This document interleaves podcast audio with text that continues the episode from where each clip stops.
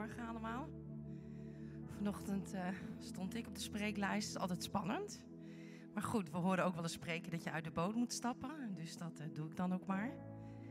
En uh, alleen vanochtend was het best wel een pittig thema, moet ik zeggen. Want we hebben het over dynamisch geloof en over de Jacobusbrief.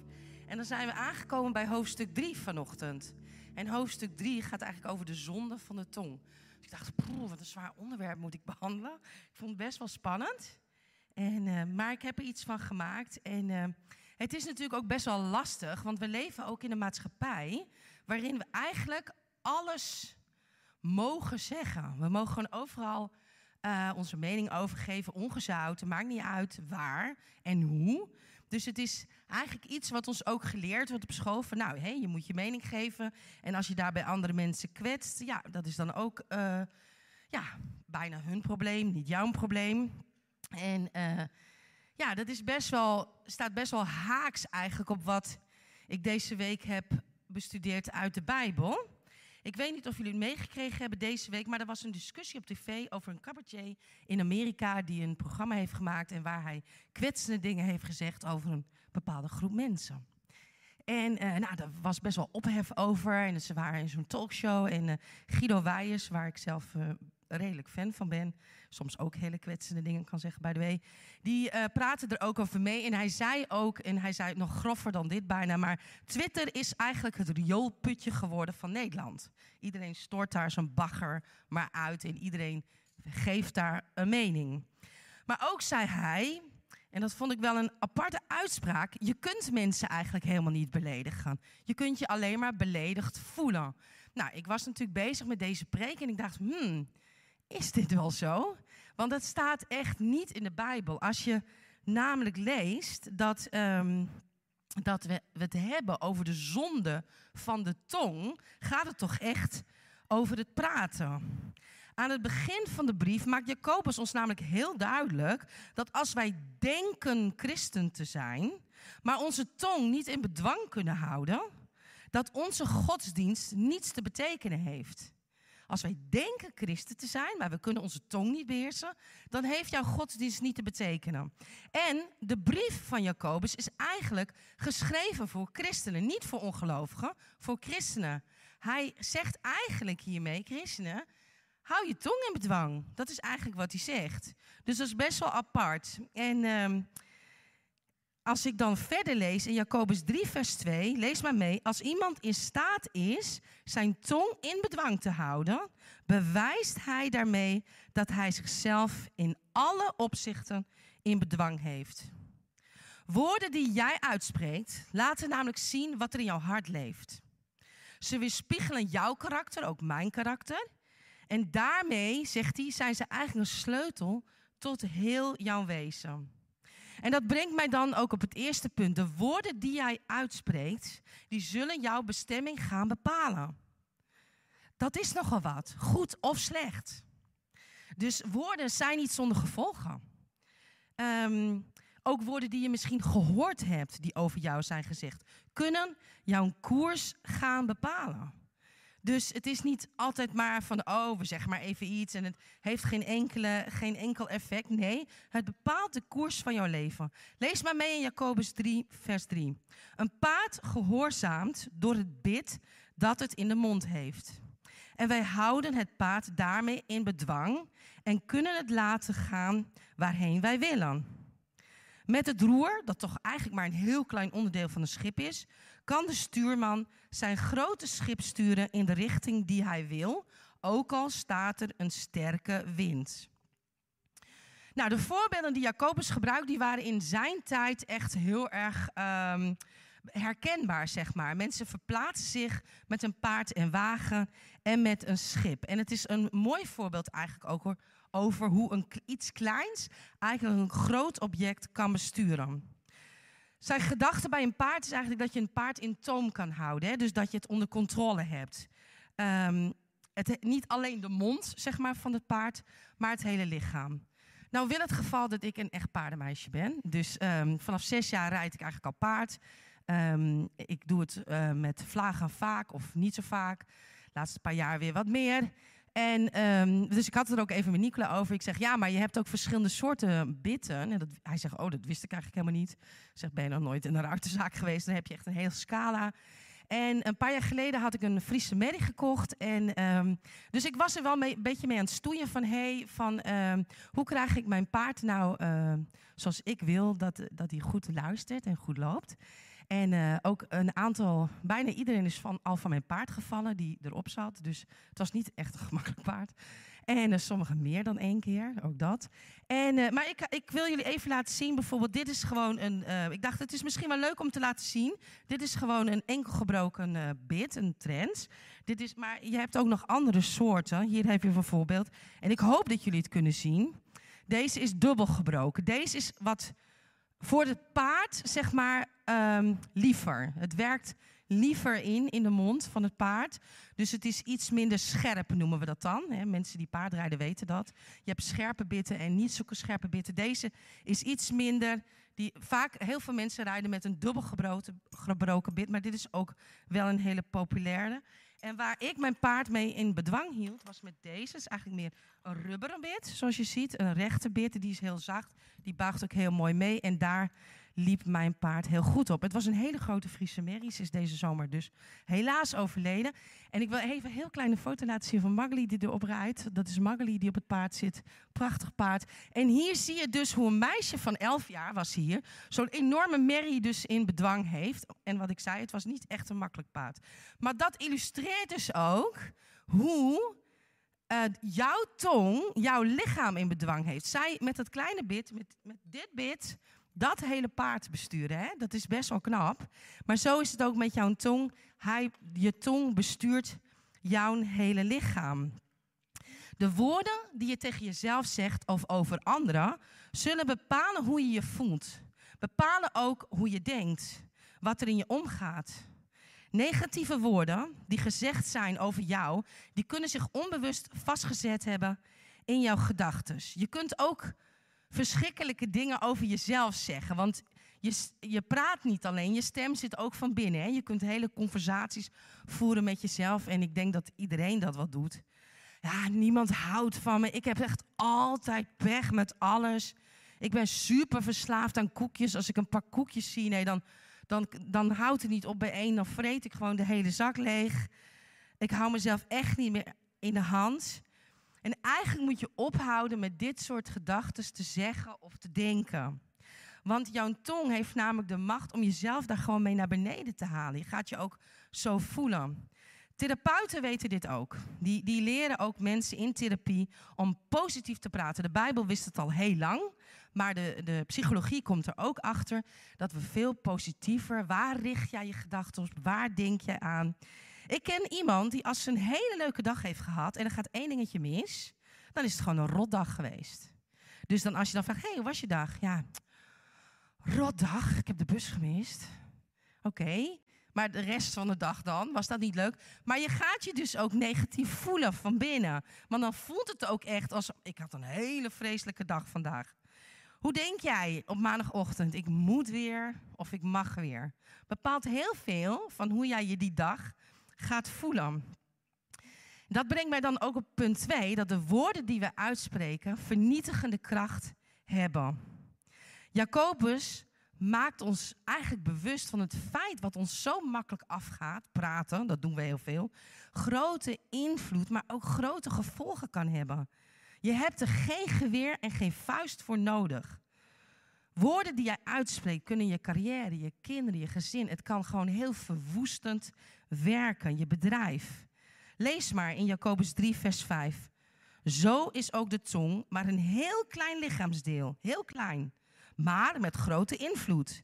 Bedenk eens hoe een klein vlammetje dat een heel bos in de brand kan zetten.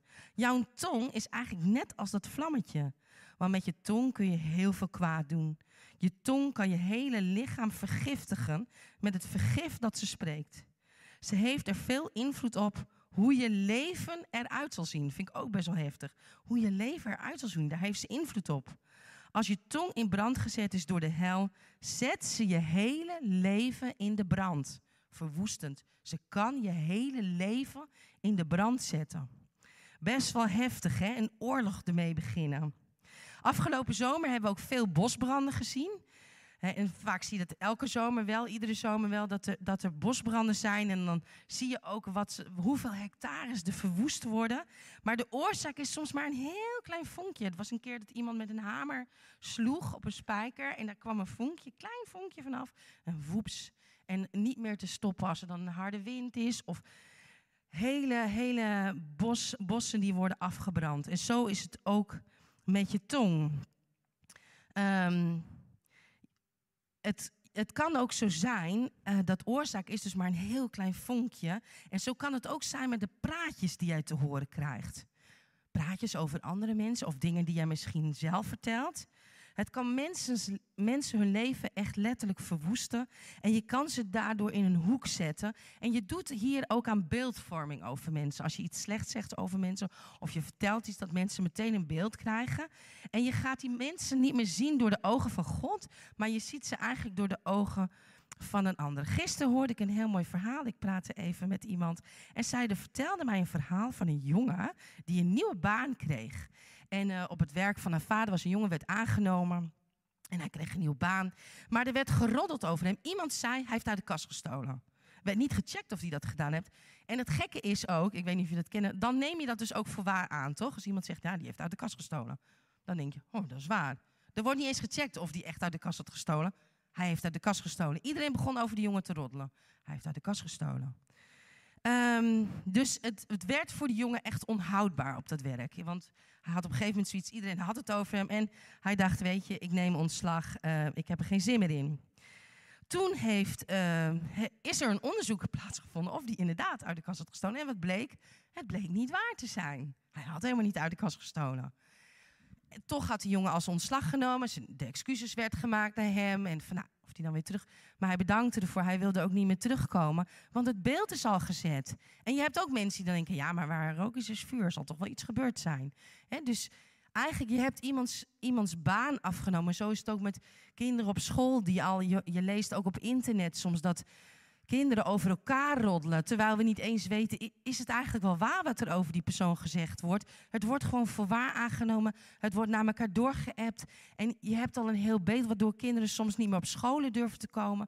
Of waarin je al een beeld hebt van, nou, dat is echt, uh, daar moet je echt niet mee omgaan hoor. Want die doet zo raar. Terwijl je dat helemaal zelf nooit ervaren hebt. De woorden, uh, in Spreuken 18 vers 6 staat, de woorden van dwaze mensen veroorzaken ruzies. Hun mond vraagt gewoon om een klap. dat is best wel grappig, hè? Dwa ik vind het zo'n grappige tekst. Ik moest er gisteren echt heel hard om lachen. Dwaze mensen storten zichzelf in het ongeluk door de dingen die ze zeggen. Hun eigen woorden doden hen. Roddelpraatjes slaan wonden. Ze verwonden iemand tot in het diepst van het hart. Oh, ken je dat? Dat iemand iets zo doms kan zeggen dat je eigenlijk het liefst gewoon wil uithalen. Je denkt, hoe kun je zo dom zijn? Je wil je wel een klap verkopen? Mag niet, maar je denkt het wel eens, toch?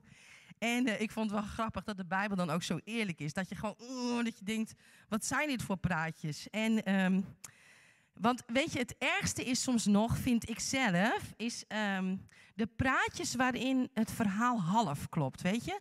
Er zit wel een kern van waarheid in, maar er wordt een kern achterwege gehouden of de context wordt weggelaten, waardoor inderdaad die, wat diegene vertelt is dan wel waar, maar doordat je de context niet hebt, uh, is het toch uiteindelijk rollen en klopt het niet zoals het je gezegd wordt.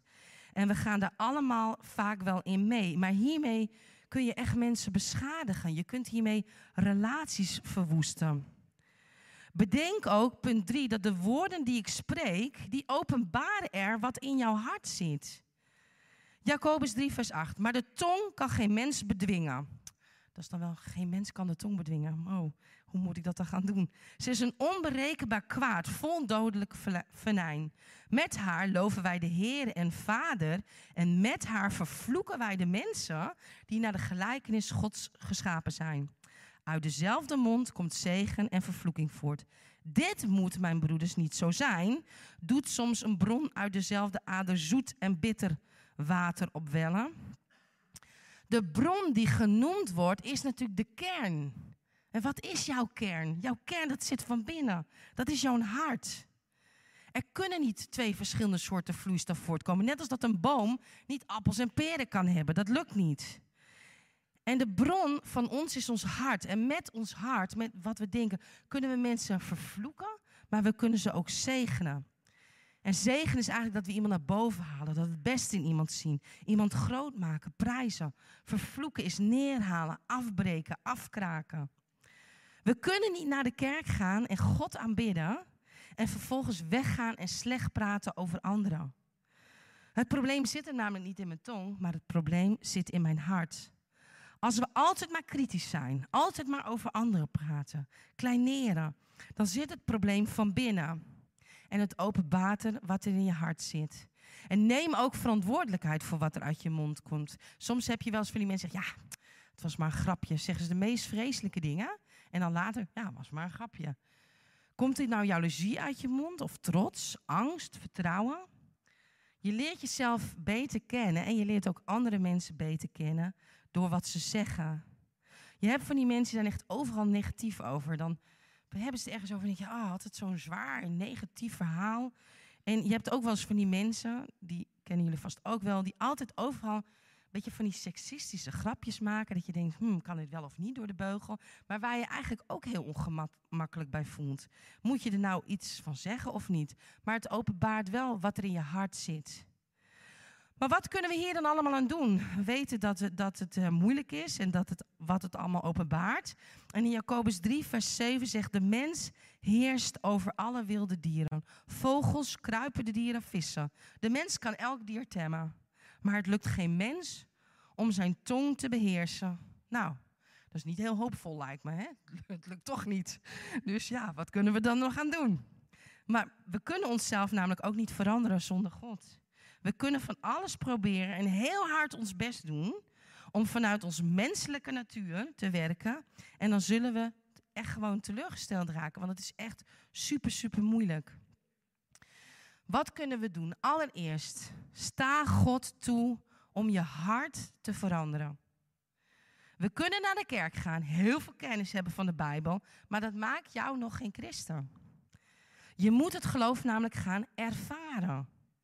Je kunt, um, je, uh, geen, je kunt jezelf namelijk ook geen vrede opleggen. Ik moet me nu vredig voelen. Ik moet vrede ervaren. Ik kan ook niet zeggen van, uh, ik, ik moet nu blij zijn. Hè? Dat, dat is nu, dat moet ik zijn. Nee, dat moet ik ervaren. Ik moet die vreugde voelen vanuit mijn hart. Ook vergeving. Ik kan het mezelf niet opleggen. Ik moet het gaan ervaren. Het geloof is een ervaring. Niet een, niet een oh, ik mag niet en het moet niet. Christen zijn is niet heel hard je best doen om je aan allerlei regeltjes te gaan houden. Want dan probeer ik alles vanuit mijn verstand te doen, maar mijn hart moet veranderen. Um, even zien waar ik ben. Als we in Christus zijn, dan zijn we een nieuwe schepping, staat er. Het oude is voorbij, het nieuwe is gekomen. God doet dit werk binnenin je. Dat kunnen wij niet zelf. Ik kan heel hard mijn best doen om niet negatief te zijn, maar als mijn hart niet verandert, dan lukt mij dat gewoon niet. Dan vroeg of laat komt het toch weer.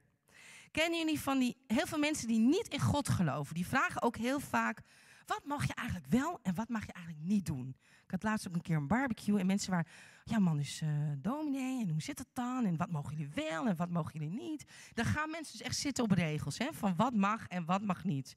Dit heeft gewoon alles te maken met dit punt. Het, dat zit in je verstand. God heeft niet een boek gemaakt van dit mag wel, dat mag niet, hou je aan deze regels. Je hebt namelijk een hartsverandering nodig. En dat voelen mensen die niet in God geloven niet. Dus die gaan dan zitten, oh, maar christenen mogen niks. Als je namelijk het geloof ervaren hebt, gaat het niet meer om, ik mag dit niet, maar ik wil dit niet. Want je hart is veranderd. Ik mag, eh, bijvoorbeeld even over vloeken. Ik mag niet meer vloeken. Ik weet niet hoe jullie denken. Ik wil niet meer vloeken. Ik wil het niet.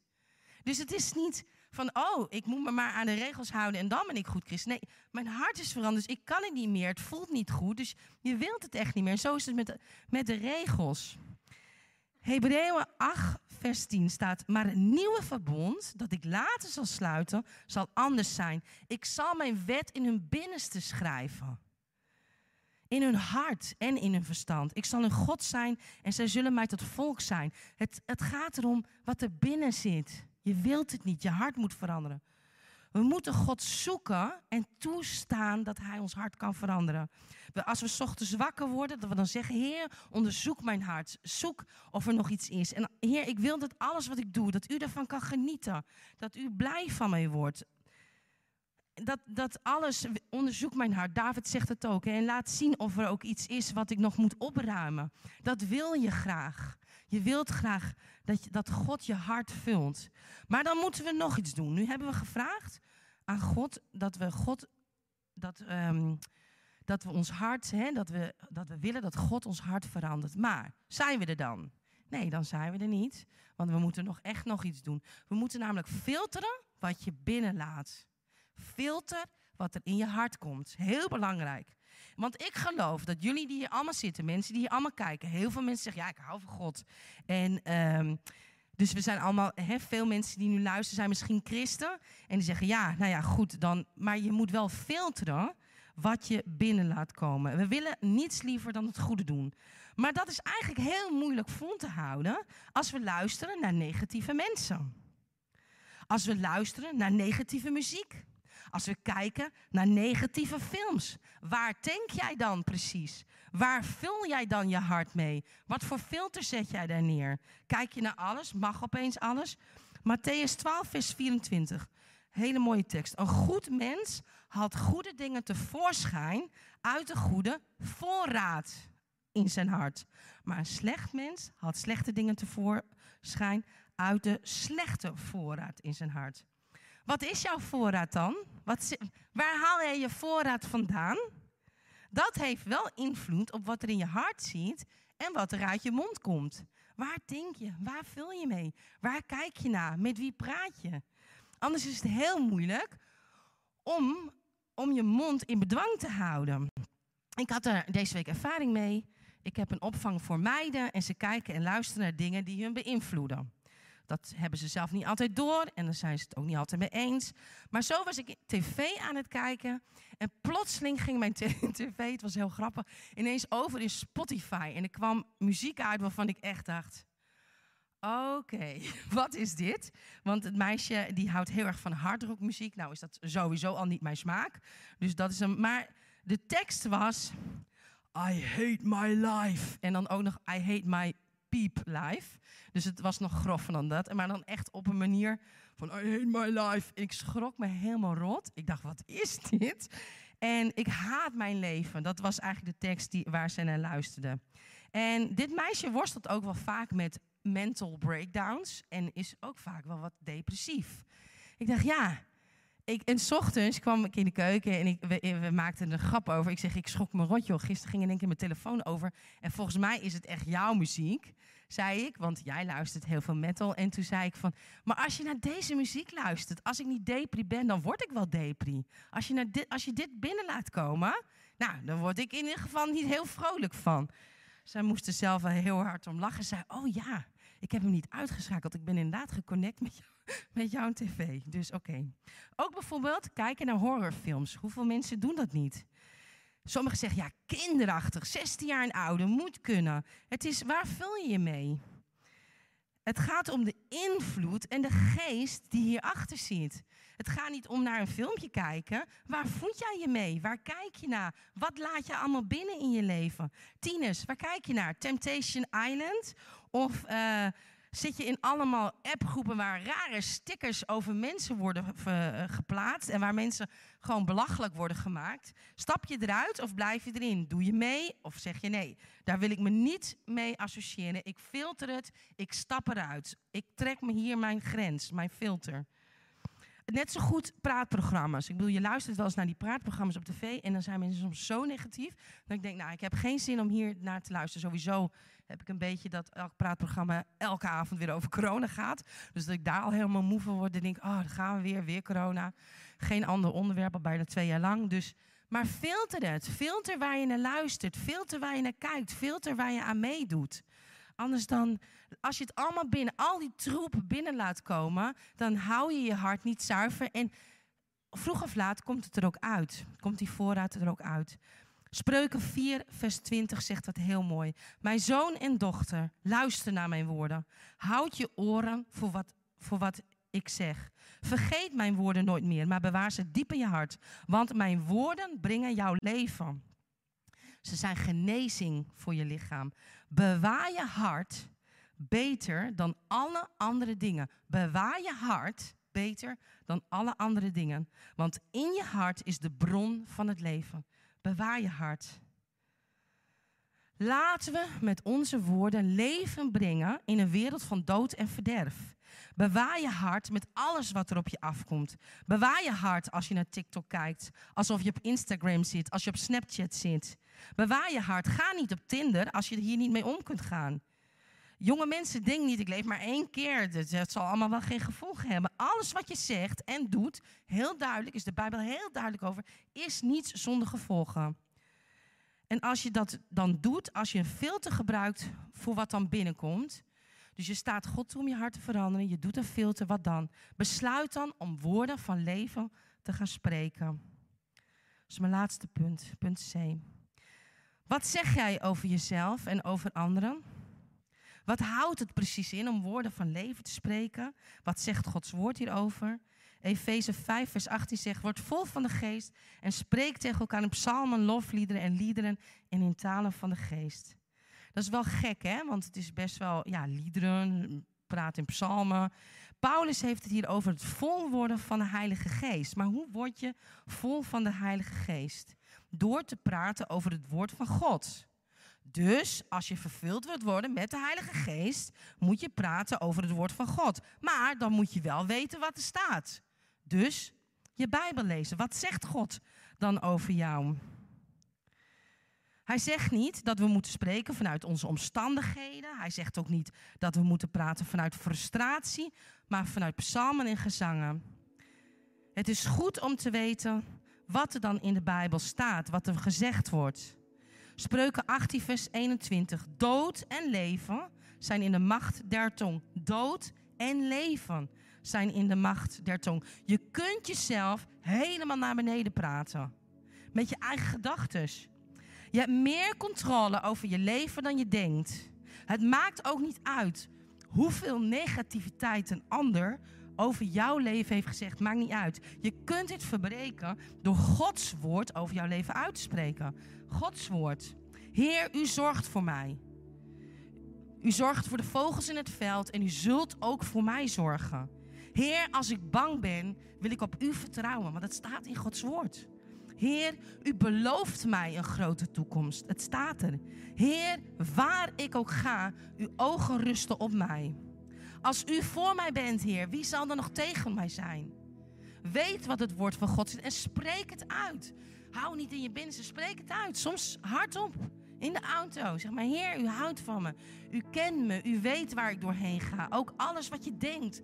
Zeg het, zeg het. Spreek en spreek positiviteit uit. Praat jezelf niet de punt Ik kan niks, ik ben niks, het wordt nooit wat met me. Want dat zijn vaak gedachten wat we hebben. Hè? Het lukt me niet. Ik ben zo bang. Ik vind het spannend. Ja, maar u bent er. U, met u kan ik het. Je kunt uit bed stappen en zeggen: Oh, ik voel me zo depressief vandaag. Vandaag heb ik een echte pechdag. Nou, dat heb ik wel eens gedaan. Jullie vast ook wel eens. En oh boy, het werd een pechdag. Ik had één dingetje wat niet helemaal lekker liep s ochtends.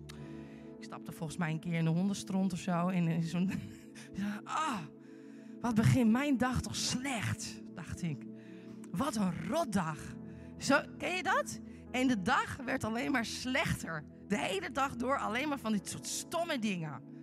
We doen het allemaal wel eens.